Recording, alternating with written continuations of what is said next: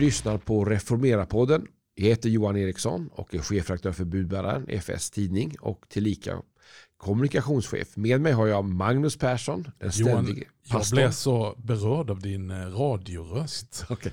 Du låter som han, eh, en, en, en röst i natten. Jag försöker Jag blev verkligen riktigt här. varm i hjärtat. Vilken tid på dygnet släpps podden? Ja, Mm, man kanske skulle släppa den eh, på natten. Ja, och efter det här så. Ja, och med oss har vi också idag Thomas Nygren igen efter påsken. Och det har varit en väldigt speciell påsk bakom oss. Och nu sitter vi här, vi pratade om döden förra gången. Vi ska prata om livet och hoppet idag, men jag vill bara fråga, hur mår ni? Ja, eh, trots allt, och det är väl också kristendomens styrka, så får vi utbrista Kristus är uppstånden. Ja, han är sannerligen uppstånden. Det må vara coronavirus och det må vara kanske en av de mest speciella påskhelger vi någonsin har genomlevt. Men det är fullbordat och det finns ett hopp också i detta mörker. Thomas, du är lika glad? Ja, alltså jag, jag har genomlevt en, en påskupplevelse den här dagen, skulle man kunna säga. För att jag vaknade med ett ruggigt ryggskott och kunde knappt härbärgera smärtan. Gick omkring och försökte vara tyst så jag inte skulle väcka familjen. Men min fru hon jobbar som läkare så att eh, jag, jag kunde få lite medicin som nu mår jag, jag är helt okej. Och det, det livet har kommit tillbaka. Så det, det var verkligen en påskdag jag upplevt i praktiken här idag. Här är han, Thomas Nygren. Han är uppstånden. Ja, bokst- bokstavligt talat. Men då har jag en Från motfråga. ryggläge, ja. Men då har jag frågat, ha- har du botat ryggskottet eller har du tagit bort symptomen? Först tog vi bort symptomen, men sen försvann ryggskottet. Det här är ju en koppling till det vi talade om förra avsnittet som vi ska fortsätta nu då från död till liv. Men jag tänker att det du sa där Johan, många människor kanske bara kämpar för att ta bort symptomen, verken, ångesten, men egentligen inte hitta lösningen. Nej, och där är vi. Och jag tänker, det är ju det påsken handlar om. Vi pratade om döden förra gången, men nu har vi livet. Och jag får alltid en fråga när vi pratar om de här sakerna. Det är, vem får vara med? Ja, Hur eller som Blir Hasse. jag frälst? Ja. Hasse Andersson och Kvinna Böskebrand sjöng. Får man ta hunden med sig till himlen? ja, får jag ta farmor med till himlen? Om detta ska vi tala om i dagens program.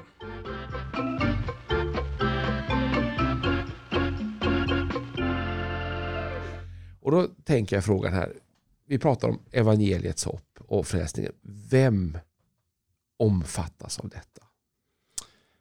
Låt mig få börja och citera Rosenius. Vi brukar ju ha ett citat med varje gång. Tänk att världen inte vet vad som har skett. Världen vet inte att hela mänskligheten en gång har blivit friköpt, förlossad, förvärvad, ja vunnen från alla synder. Vunnen från döden och djävulens våld. Syndernas förlåtelse tillhör varje människa. Frum eller ofrum, troende och icke-troende. Du får vara hurdan du vill, så är åtminstone dina synder borttagna, utplånade, förlåtna, kastade i havets djup. Detta skedde i Kristi dödstimma. Blir du fördömd så sker det inte för dina synder, utan för din otro. För att du håller dig borta från Kristus, men vill du komma så finns det inget hinder från Guds sida. Här är inget undantag. Och detta beror på att hela syndaskulden är betald och att försoningen gällde och gäller hela världen. Karl Olof Rosenius i En, en har dött för alla. Det är goda nyheter. Det är goda nyheter, i verkligen i koncentrat.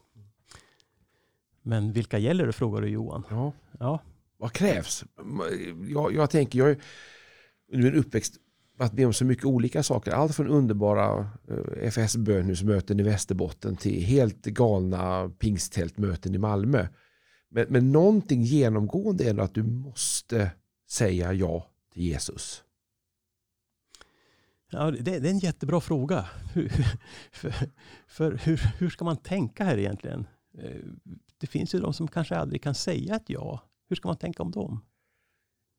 Ja, Nej, jag tänker på, på, man kan till exempel födas med ett sånt eh, handikapp att man inte får tal. Man kanske inte förstår saker och ting.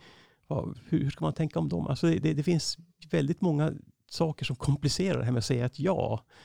Eh, när man börjar skrapa på ytan. Om man ska vända på och prata om frälsningsvisshet. Jag, jag, tänker, det är ett begrepp som jag har hört väldigt ofta. Då, alltså begreppet frälsningsvisshet som ofta bygger på att jag tar ett aktivt beslut att följa Jesus och be om syndernas förlåtelse. Och som ordet säger, det är mitt hjärta tror och din mun bekänner.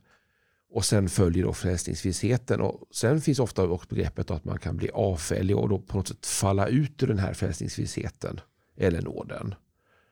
Och det här, det här vill jag pröva. Då i tider när kanske man förlorar nära och kära. Och, ja, vi tar faster Agda. Hon hade sin barnatro. Hon hade gått i söndagsskolan. Hon gick i kyrkan emellanåt. Hon var ingen gudsförnekare. Men är hon frälst? Om vi börjar med att slå fast grunden för vår frälsning. Grunden och som vi kan vila i är ju inte främst vårt beslut för Gud, utan Guds beslut för oss i Kristus Jesus. Det har vi firat nu. Jesu lidande, hans död, hans begravning och hans uppståndelse i härlighet. Alltså försoningen från Guds sida har det redan skett. Allt är redan gjort. Det är fullbordat och som Rosenius så fantastiskt håller fram här, att det är inte synderna som skiljer dig från Gud, utan som jag skulle vilja tillägga, synden, det vill säga vår otro och vår ovilja att ta emot denna Guds gåva. Men då kan man bygga vidare och säga, hur tar du då emot denna gåva som Luther skulle sagt att det är på korset som Kristus förvärvar frälsningen. Men det är i ordet och sakramenten som han förmedlar den. Och det är intressant att koppla till det du sa Thomas, om vi ska utveckla det. Just det här med folks olika förmåga att kunna säga ett ja. Eller mm. vissa människor som inte kan minnas, ja vilken dag var det jag gjorde det? Och gäller det fortfarande? Är det så att jag genom mitt liv och mina gärningar har sagt nej några gånger efter?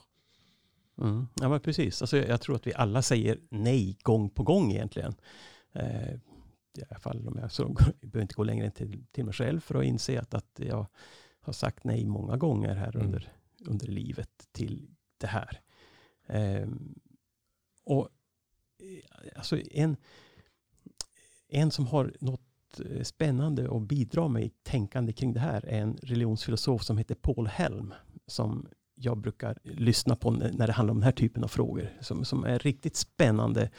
För han, han för i en artikel en diskussion om vad krävs egentligen? Precis den frågan. Vad, vad behövs för att bli räddad? Eh, hur mycket måste man förstå? Diskuterar han först. Och sen kommer han fram till att det är fel ställd fråga. Det, därför att då, då, kommer vi att dra gränsen någonstans vid någon viss intelligenskvotsnivå. Sen under det så kan man inte förstå. Då finns ju ingen räddning om man låter det bli en förståelsefråga. Eh, så han plockar ihop det med frågan som du var inne på egentligen Magnus. Hur gör Gud frälsning? Jo, Gud gör frälsning genom Jesus Kristus. Jesus Kristus är Guds barmhärtighet. Eh, och det här, då, då, får hans svar också relevans för, för tänkandet kring hur ska man se med, med människor i, an, i, andra religioner. Och jag menar, eh, han säger så här att, att Guds barmhärtighet, det är Jesus Kristus. Och varenda människa som i praktiken, i sin död åberopar Guds barmhärtighet kommer att bli räddad. Därför att Gud låter sig åberopas just där, i den punkten där det handlar om barmhärtigheten som Kristus har vunnit. Och, och det betyder ju att, att eh, eh menar Paul Hell, man kan aldrig säga utifrån vem som blir räddad och inte blir räddad. För det hänger samman med Guds barmhärtighet. Och Det här betyder också att, att vi får lägga människor i Guds barmhärtighet. Till exempel den som inte har förståndsgåvor att kunna förstå det här.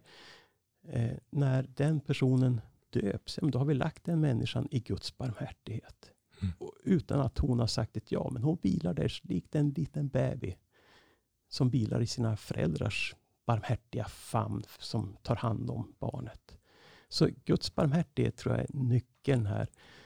Det här är ju inte då en lära om allas frälsning eller något sånt. Men det handlar om vad låter sig Gud åberopas.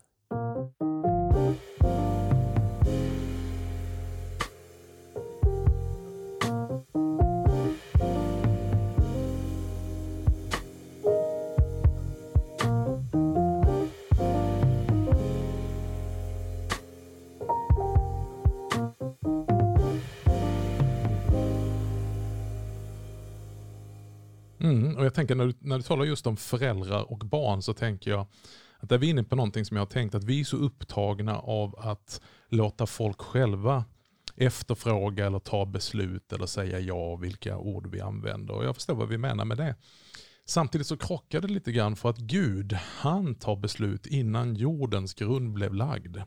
Inte frågade han mig om lov, lov i alla fall, utan han klev in i historien, blev människa, dog för min synd innan jag ens bad om det. Vi kan se också på Jesu jordeliv, han går och proklamerar syndernas förlåtelse, inte till människor som bara kommer och ber om det. Utan långt innan de har bett om det så säger han, mitt barn, dina synder är dig förlåtna.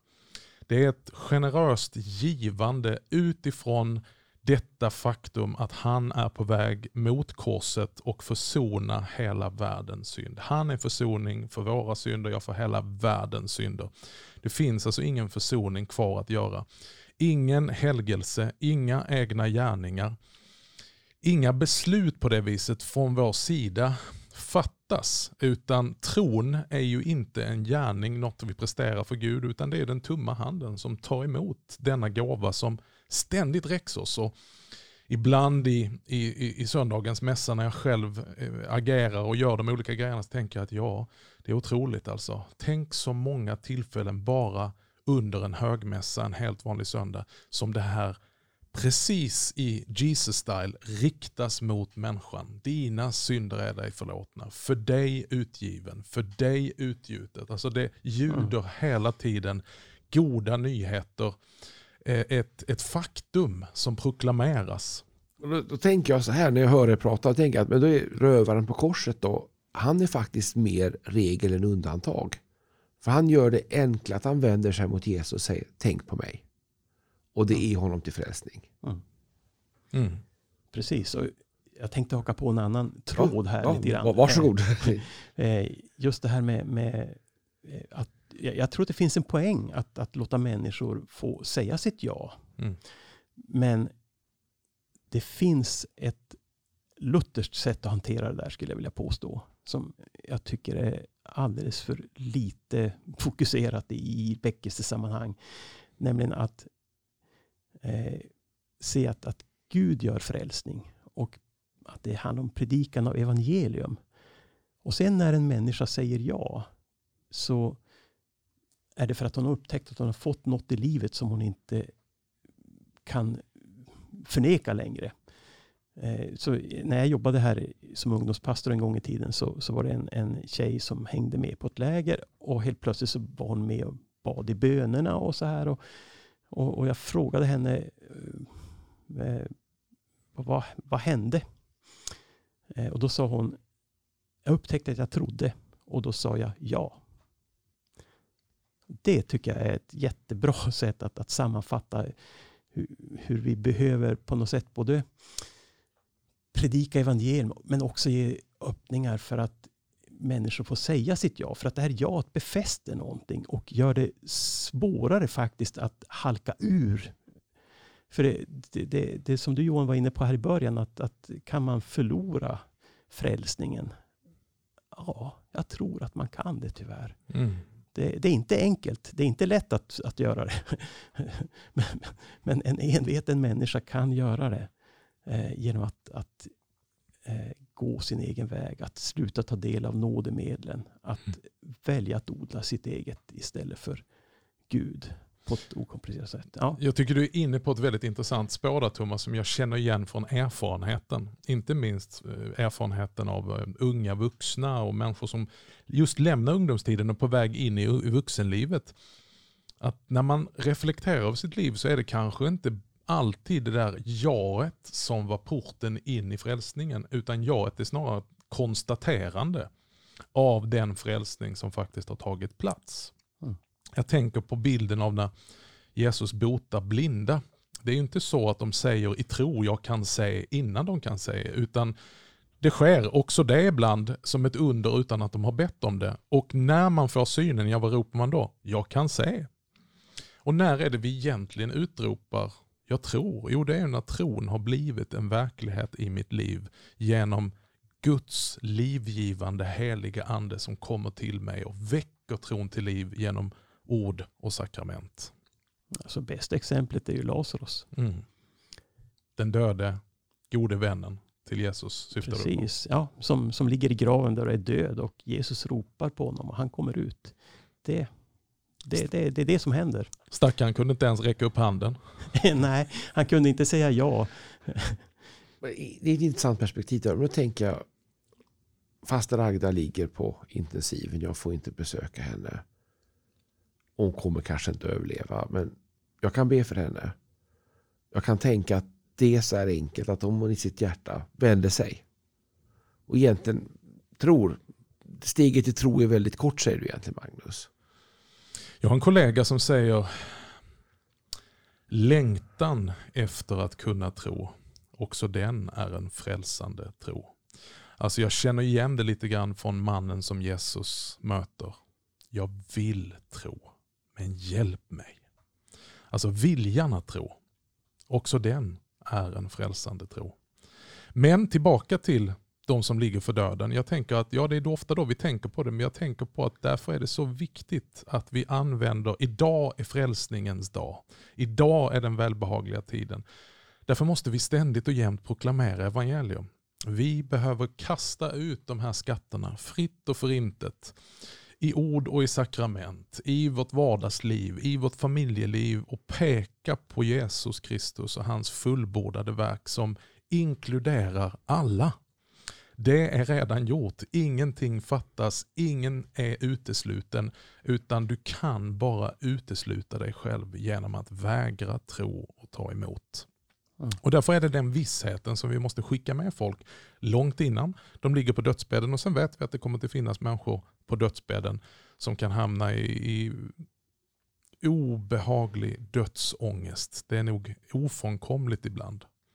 Men, och vi är inte, jag menar det här finns ju också, ytterst sett så ligger allting i Guds hand. Vem är vi att veta?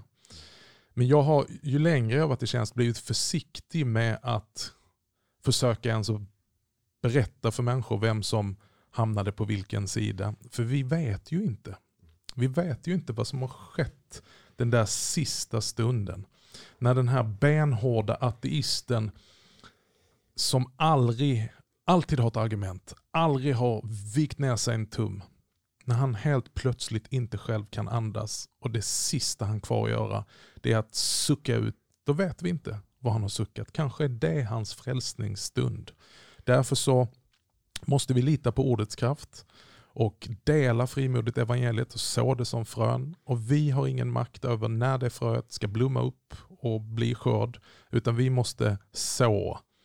Och så i Guds välbehagliga tid, då finns ordet där. Det vet jag själv av egen erfarenhet av alla de här orden som såddes i mitt liv under söndagsskolan som jag mest tyckte var tråkigt. Men när min tid var inne, då var det dags att skörda det ordet och helt plötsligt nästan förundrad själv hur mycket som fanns i mitt hjärta som faktiskt snabbt bar frukt. Och i rosiniansk tradition så har det här kallat, kallats att ta vara på sin sökningstid. Eh, vi vet aldrig när anden verkar i en människas liv.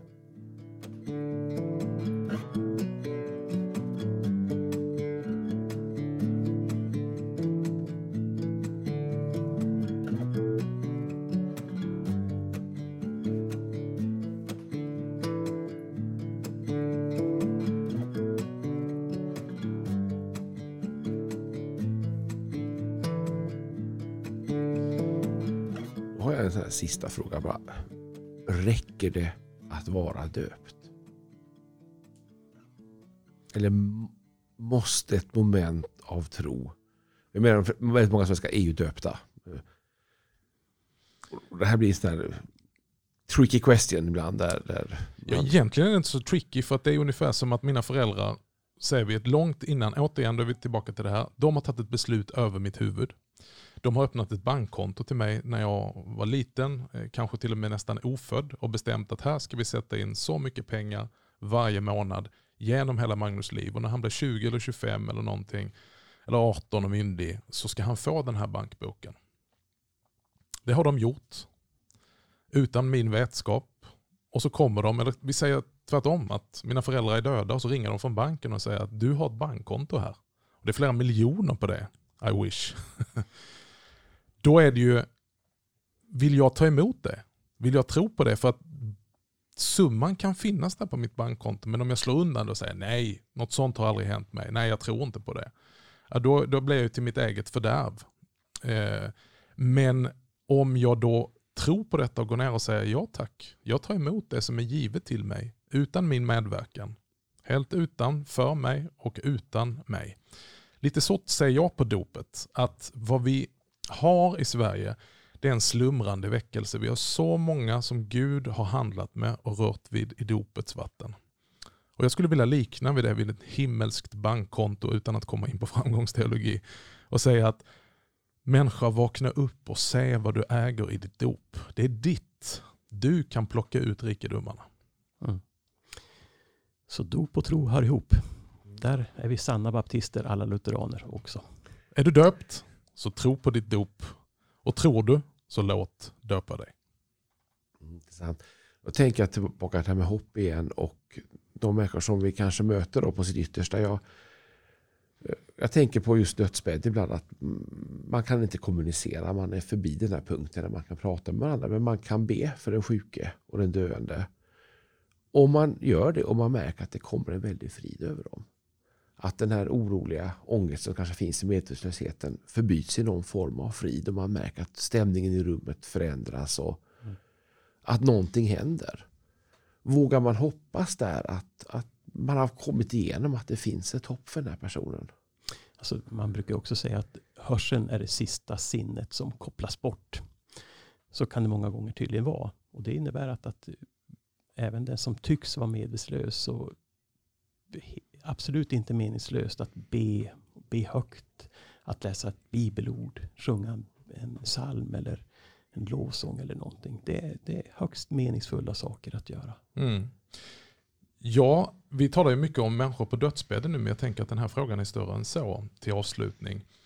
Jag som, som kommer från en annan tradition och har då fått senare i livet upptäcka den här mer helkyrkliga traditionen där också tron blir kroppslig på ett sätt. Alltså en kyrka som inte bara sänder evangeliets budskap på en kanal utan flera kanaler samtidigt. Jag har fått se i mitt eget liv men inte minst hur många utbrända, inte minst unga vuxna som har varit så upptagna med självupptagenhet och skärskåda sitt eget hjärta. Tror jag med hjärtat? Tror jag? Tror jag? Har jag sagt ja? Hur befriande det sakramentala livet har blivit för dem. Att få med kroppen. Vissa människor eh, har, kan vara helt välfungerande men kan liksom ha svårt för att fungera på den nivån när det blir väldigt förandligat, nästan gnostiskt och du ska med ditt hjärta tro. Har du tro i ditt hjärta, har du sagt ditt ja. Att få göra någonting så konkret som att i sina öppna händer få ta emot bröd och, och, och i nattvarden få höra orden för dig utgiven. Och på ett väldigt fysiskt och konkret sätt. Och Det här är väl ett ämne att komma tillbaks till. Just hur förmedlar vi evangelium också på ett sätt så att tron inte bara kan tas emot med kroppen utan också få lov att sätta sig i kroppen. Men nu får vi säga tack för den här gången och ett stort tack till Thomas Nygren. Vi får eh, anledning att eh, bjuda hit dig vid fler tillfällen Thomas. Du är en mycket uppskattad teolog och predikant. Tack ska du ha för att du var med oss här idag. Tack Johan. Ja, som jag sa förra gången, det är, Thomas det är EFS Obi-Wan Kenobi. Och Johan är EFS egen Darth Vader. Jag, jag hade en fråga bara, är EFS Star Wars? Det är Stjärnornas krig. Vi, vi, det, är, det är nog så. okay, ja. Jag måste hitta någonting att förankra verkligheten i. Och evangelium är jättebra, men ibland får man ta handfasta bilder för att förklara en komplicerad verklighet så tycker jag funkar Star Wars. Men för att komplicera bra. den här verkligheten ännu mer så fick jag höra, eftersom jag är nyast av er här i EFS, så fick jag höra exakt de här orden. Magnus, det ska du veta, sa personen i fråga med min bakgrund, att i EFS har vi inga stjärnor. Du vet väl vad EFS står för? EFS? Nej, sa jag. Jag förmodar att det inte syftade på Evangeliska Fosterlandsstiftelsen. jo, Torsten Nilsson sa en gång EFS är endast för syndare. Och direkt kände jag, jag är mycket hellre med i rörelsen endast för syndare än i stjärnornas krig. Tack ska du ha för att du har varit med oss i ytterligare ett sånt här skräckblandad förtjusningssamtal som går en hit och en dit. Ja, det kallas för Reformera-podden. Här talar vi om reformatorisk helkyrklighet, allt mellan himmel och jord som rör kyrka och lokalt församlingsliv och den kristna tron tankar om det och teologi. Följ oss gärna när vi skriver, bloggar och har artiklar på vår hemsida reformera.net och vi finns naturligtvis för dig att kontakta oss och hålla utkik för vad som händer på sociala medier, Twitter, Facebook och Instagram. Vi ses nästa vecka. Det här programmet det har producerats av Dan Woodrow och det klipps av Andreas Lundström. Och Reformera-podden produceras i samarbete med tidningen Budbäraren och EFS, missionsrörelse inom Svenska kyrkan. Guds rika välsignelse.